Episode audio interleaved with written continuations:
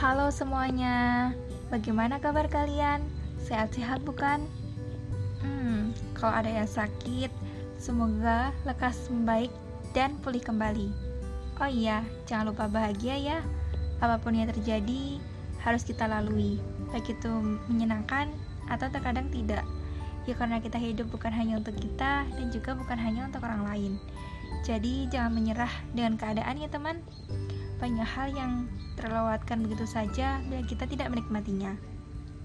Oke, okay, episode kali ini kita akan membahas hal yang sebenarnya kalian sudah sangat familiar. Masalah yang mungkin sudah menjadi sahabat nyata dan maya kita. Yaps, coronavirus atau COVID-19. Kali ini kita tidak akan membahas si kororo itu, tapi kali ini kita akan membahas tentang new normal.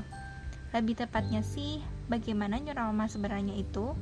Lalu, apakah Indonesia sudah tepat memasuki era new normal?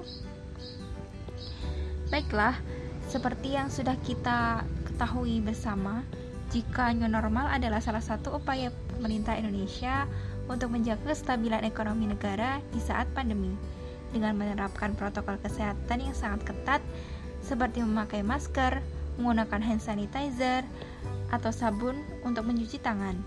Pengaturan jarak pada setiap tempat dan kegiatan yaitu minimal 1-2 meter antara orang satu dengan yang lain. Nah, menurut Profesor Hermanto J. Siregar dari Institut Pertanian Bogor yang menjelaskan bagaimana negara bisa dikatakan new normal, yaitu manakala grafik statistik kasus positif COVID-19 sudah mengalami penurunan yaitu dengan ditandai oleh pertambahan kasus COVID-19 yang semakin sedikit, sehingga menghasilkan grafik yang melandai. Namun, pada setiap waktunya tetap akan ada yang terinfeksi COVID-19, tapi tidak tidak separah yang sebelumnya karena vaksin sebagai obatnya belum ditemukan. Pada fase ini baru bisa dikatakan era new normal, yaitu kondisi kita dapat beraktivitas normal berdampingan dengan ancaman penularan COVID-19 di kehidupan sehari-hari. Melihat jumlah kasus yang bertambah, yaitu terlihat pada data statistik COVID-19 di Indonesia, belum menunjukkan penurunan atau grafik landai.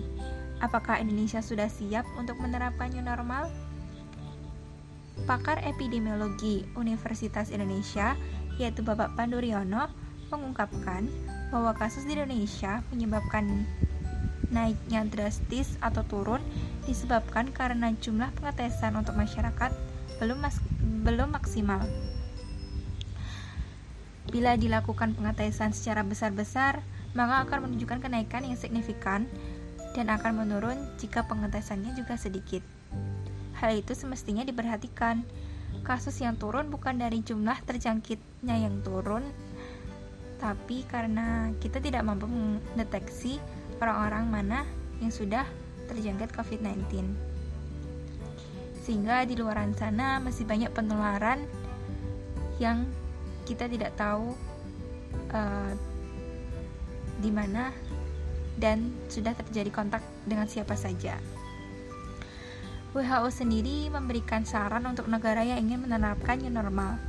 Yang pertama, adanya bukti yang menunjukkan bahwa transmisi COVID-19 dikontrol. Yang kedua, tercukupinya kapasitas sistem kesehatan dan kesehatan masyarakat termasuk rumah sakit yang mampu mengidentifikasi, mengisolasi, menguji, melacak kontak, dan mengkarantina. Yang ketiga, risiko wabah itu diminimalkan dengan pengaturan kerentanan tinggi, terutama di rumah-rumah tua, fasilitas kesehatan mental, dan orang-orang yang tinggal di tempat-tempat ramai. Yang keempat, tindakan pencegahan tempat kerja dengan pengaturan jarak fisik, fasilitas mencuci tangan, etika batuk dan bersih yang benar, dan lain-lain. Yang kelima, yaitu resiko impor itu dapat dikelola.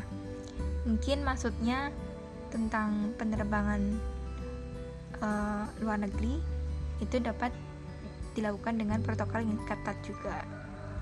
Oke, sekian dari podcast episode kali ini.